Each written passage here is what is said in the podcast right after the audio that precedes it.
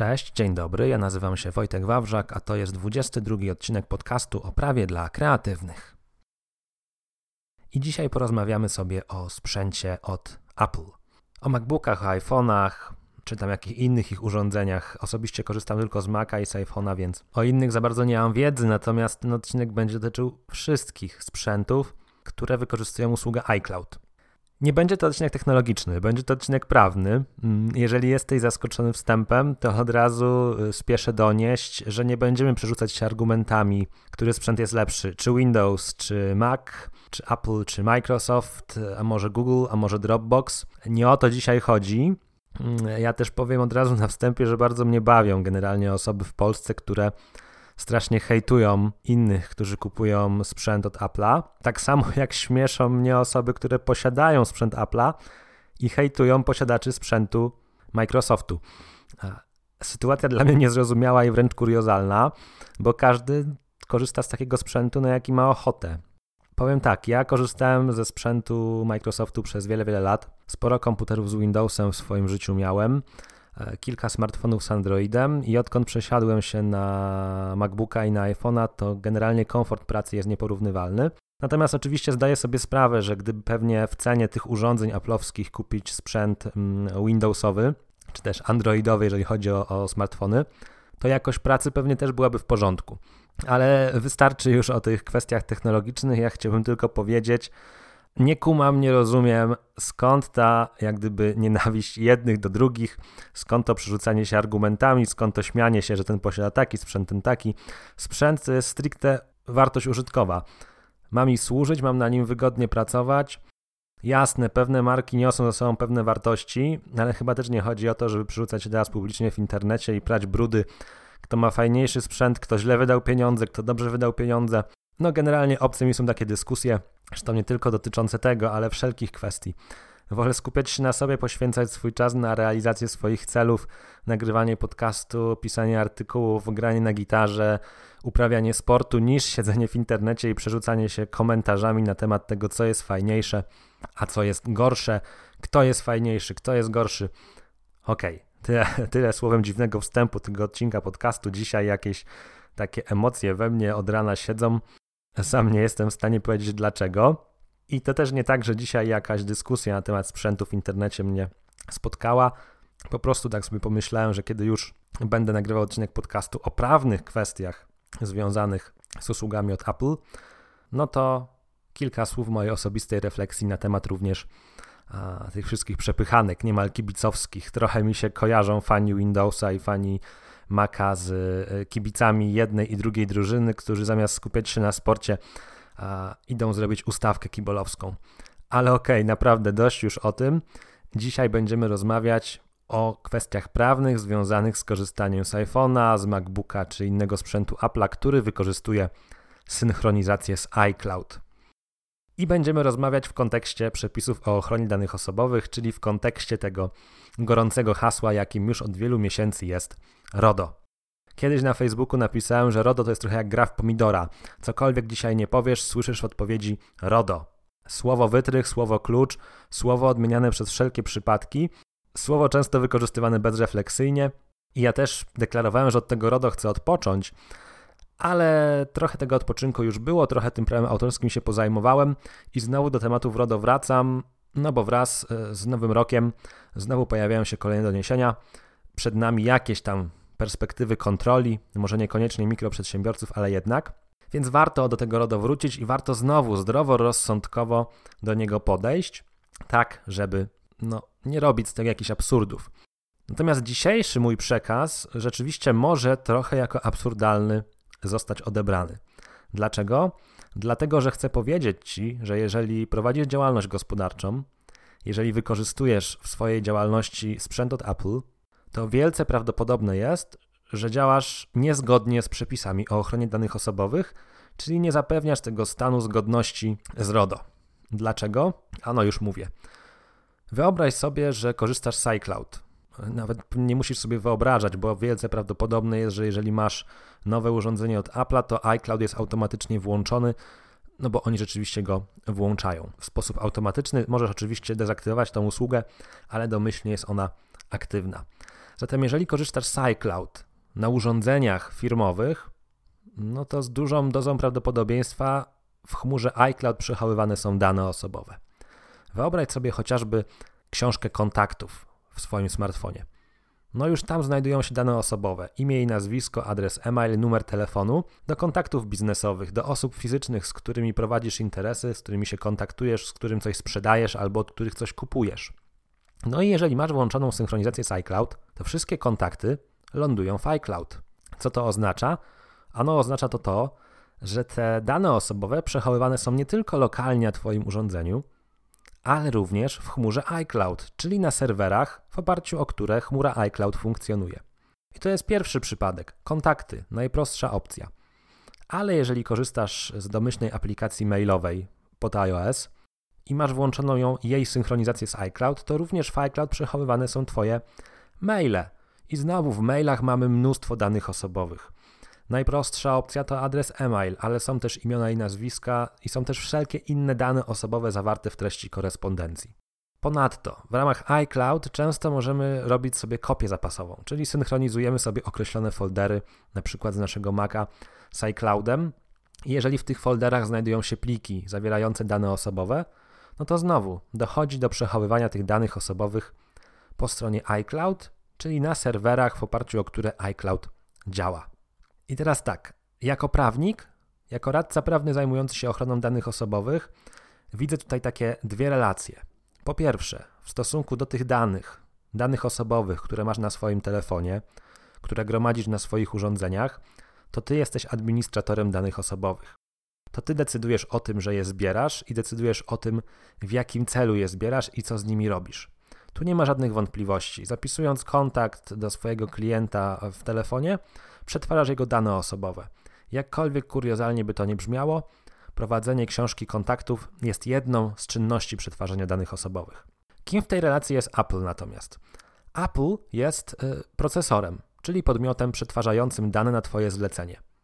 Świadomie decydujesz się korzystać z usługi iCloud, świadomie bądź nieświadomie, bo możesz sobie nawet nie zdawać sprawy do tej pory, że tak się działo, że te dane tam lądowały. W związku z tym Apple jest procesorem, przechowuje na Twoje zlecenie dane w chmurze. No i to oczywiście jest bardzo wygodne, bo Ty możesz do tych danych w każdej chwili uzyskać dostęp z dowolnego urządzenia, logując się do swojego konta. Możesz te dane łatwo udostępniać. No i często traktujesz też jak gdyby ten iCloud jako taką kopię zapasową, kopię bezpieczeństwa na wypadek, gdybyś w jakiś sposób dane utracił ze swojego urządzenia. Pytanie brzmi, czy to przechowywanie danych osobowych w chmurze iCloud jest zgodne z RODO. No i tutaj jest właśnie pies pogrzebany, ponieważ nie jest takie rozwiązanie do, za, do zaakceptowania z punktu widzenia przepisów o ochronie danych osobowych. Dlaczego nie jest? Już tłumaczę. Po pierwsze i najważniejsze. Z regulaminem iClouda jest trochę tak jak z regulaminem bezpłatnych usług Google'a. To znaczy, w tym regulaminie znajdziesz stwierdzenie, że te usługi kierowane są wyłącznie do osób prywatnych. Czyli do celów biznesowych w ogóle z iClouda nie powinieneś korzystać, tak samo jak z bezpłatnych usług Google'a do celów biznesowych nie powinieneś korzystać. Co za tym idzie, nie ma możliwości zawarcia z Apple umowy powierzenia przetwarzania danych osobowych. A zawarcie takiej umowy jest warunkiem legalnego korzystania z podmiotu trzeciego, który przetwarza dane. Krótko mówiąc, jeżeli korzystasz z iCloud i w tym iCloud przechowywane są dane osobowe, a już jak gdyby wytłumaczyłem ci, że jest wielkie prawdopodobieństwo, że takie dane rzeczywiście są, to powinieneś z tym Apple zawrzeć umowę powierzenia. Jest to wymóg formalny z RODO, który trzeba spełnić, żeby móc korzystać z usług podmiotu trzeciego. Takiej możliwości w ramach korzystania z iCloud nie masz i brak tej możliwości wynika z tego, że usługa dedykowana jest do osób prywatnych. A jeżeli my korzystamy z iCloud w celach prywatnych i nawet jeżeli przetwarzamy tam jakieś dane osobowe w tak zwanym życiu osobistym, to RODO nas nie obowiązuje. Natomiast w sytuacji, w której iCloud wykorzystywany jest do celów biznesowych i w tym iCloud znajdują się dane osobowe, które gromadzisz w związku z prowadzoną działalnością gospodarczą, to jak najbardziej RODO obowiązuje. I ten wymóg zawarcia umowy powierzenia przetwarzania danych osobowych jest tutaj kluczowy. Brak możliwości zawarcia tej umowy sprawia, że korzystanie z iCloud do przechowywania danych osobowych należy uznać za niedopuszczalne, no nie za niezgodne z RODO. I czy jest tu jakieś wyjście z tej sytuacji? No niestety takiego wyjścia nie ma. Ja już korespondowałem z działem prywatności Apple'a i nic nie udało mi się z nimi ustalić, poza tym, że oni ciągle jak mantrę powtarzali, że usługa iCloud dedykowana jest osobom prywatnym. W związku z tym należy przyjąć, że Apple podjęło świadomą decyzję, że nie kieruje usługi iCloud do celów biznesowych, że nie bierze na siebie odpowiedzialności za przetwarzanie tych danych biznesowych zgodnie z RODO. Krótko mówiąc, w mojej ocenie Apple dało ciała. Płacimy sporo pieniążków za ich urządzenia. Często są to właśnie urządzenia wykorzystywane w działalności gospodarczej. Często ten iCloud aktywowany jest automatycznie przy starcie urządzenia. No i nagle okazuje się, że z punktu widzenia biznesowego, z punktu widzenia danych osobowych, ten iCloud w biznesie jest zupełnie bezużyteczny. Jaka jest rekomendacja moja dla Ciebie? Jeżeli chciałbyś, zależy Ci na tym, żeby jak gdyby zapewniać zgodność swojego przedsiębiorstwa z RODO, to niestety z usługi iCloud musisz zrezygnować, czyli wyłączyć wszelkie synchronizacje z tą usługą tam, gdzie mogą być przechowywane dane osobowe. Jest to do zrobienia, sam to zrobiłem, nie są to gołe słowa, jest to możliwe. Co więcej, nie jesteś skazany teraz na brak jakiejkolwiek usługi chmurowej, bo są na rynku alternatywy. Jest Google Drive w ramach płatnej usługi G Suite, tu od razu zaznaczam. Z bezpłatną usługą Google jest to samo co z iCloudem. W ramach bezpłatnej usługi Google'a umowy powierzenia nie, zawier- nie zawrzesz. Natomiast jest pakiet G Suite, który w podstawowej wersji kosztuje bodajże około 2 dolarów za użytkownika i on jak gdyby pozwala Ci już zawrzeć z Googlem umowę powierzenia, oczywiście w formie elektronicznej poprzez akceptację stosownej treści regulaminu, ale jest taka możliwość. Jest też Dropbox Business, czyli płatna wersja Dropboxa, również dedykowana firmom, również spełniająca wymogi RODO, czy też y, OneDrive dla firm, który również ma taką opcję firmową, w ramach której jest możliwe dopełnienie tych obowiązków formalnych związanych z ochroną danych osobowych. No i oczywiście teraz możesz powiedzieć mi, że absurd, że jest to chora sytuacja. I ja się po części oczywiście z tym zgadzam, bo zakładam, że zabezpieczenia chmury iCloud są tożsame z zabezpieczeniami innych chmur. Zapewne, do, te, zapewne z punktu widzenia technologicznego korzystanie z tej chmury jest całkiem bezpieczne. Natomiast nawet jeżeli my stwierdzimy, że iCloud jest bezpieczną usługą, to nie wystarcza nam to do tego, żebyśmy mogli zgodnie z przepisami z niej korzystać. Wchodzimy tutaj w te kwestie formalne, czyli zawarcie umowy powierzenia, co nie jest możliwe. W związku z tym mamy tę specyficzną sytuację, że możemy mieć bezpieczną usługę, ale z uwagi na brak dopełnienia formalności korzystać z tej usługi w zgodzie z RODO nie możemy. No i oczywiście jest to sytuacja dość groteskowa. Można ją e, jak gdyby pokazywać z takiego punktu widzenia, że RODO to jest zła instytucja, że szkodzi, że generuje absurdy. Natomiast e, fajnie jest o tym dyskutować, fajnie jest spierać się na tematy, czy warto dbać o dane, czy nie warto czy RODO jest pożyteczne, czy nie. Natomiast ja, jak gdyby jako prawnik zajmujący się ochroną danych osobowych, mam obowiązek poinformować Cię o formalnościach, jakie muszą być spełnione, żeby z określonych usług korzystać. No i w przypadku iCloud informuję Cię, że nie jest możliwe zawarcie umowy powierzenia, więc nie jest możliwe korzystanie z iCloud tak, by zapewnić zgodność Twojego biznesu z RODO. I oczywiście do Ciebie należy decyzja, co z tą informacją zrobisz, jak się zachowasz. Ja tylko powiem, że to ty, jako administrator danych osobowych, ponosisz odpowiedzialność za to, co dzieje się z danymi osobowymi, które gromadzisz. I w razie, gdyby przydarzyła się kontrola, to również ty ponosisz odpowiedzialność za to, że wybrałeś iCloud jako dostawcę usługi związanej z przetwarzaniem danych. To, że iCloud nie wdrożył pewnych standardów, to jest oczywiście w dosłownym języku powiedzenia ich wina. Natomiast twoją winą jest wybór iCloud, kiedy wiedziałeś, że oni nie dają możliwości zawarcia umowy powierzenia. No i to chyba właściwie tyle w tym temacie. Chciałem Cię po prostu przestrzec przed korzystaniem z iClouda z punktu widzenia tej regulacji RODO. Uczciwie powiem również, że jakoś też ciężko mi sobie w tej chwili wyobrazić kontrolę, która będzie od razu szła w stronę chmury, bo to jest taki temat mocno szczegółowy. Oczywiście, pewnie się ten temat pojawi, jest to pewien detal, natomiast o detale również warto dbać. Uczciwie również powiem, że jakoś też mi trudno sobie wyobrazić, żeby nagle mikroprzedsiębiorcy w tym roku zaczęli być kontrolowani, bo nawet jeżeli Urząd Ochrony Danych Osobowych zatrudni wielu kontrolerów, to i tak będą podejmowane jakieś decyzje, jakie branże kontrolować, w których jest to bardziej istotne, w których mniej. W związku z tym istnieje wielkie prawdopodobieństwo, że ciebie kontrola nie dotknie. Natomiast e, ja, tak jak już pisałem w poprzednich materiałach dotyczących RODO, nie jestem zwolennikiem konstruowania narracji pod tytułem Dostosujmy się do RODO, dlatego że może być kontrola i możemy dostać karę.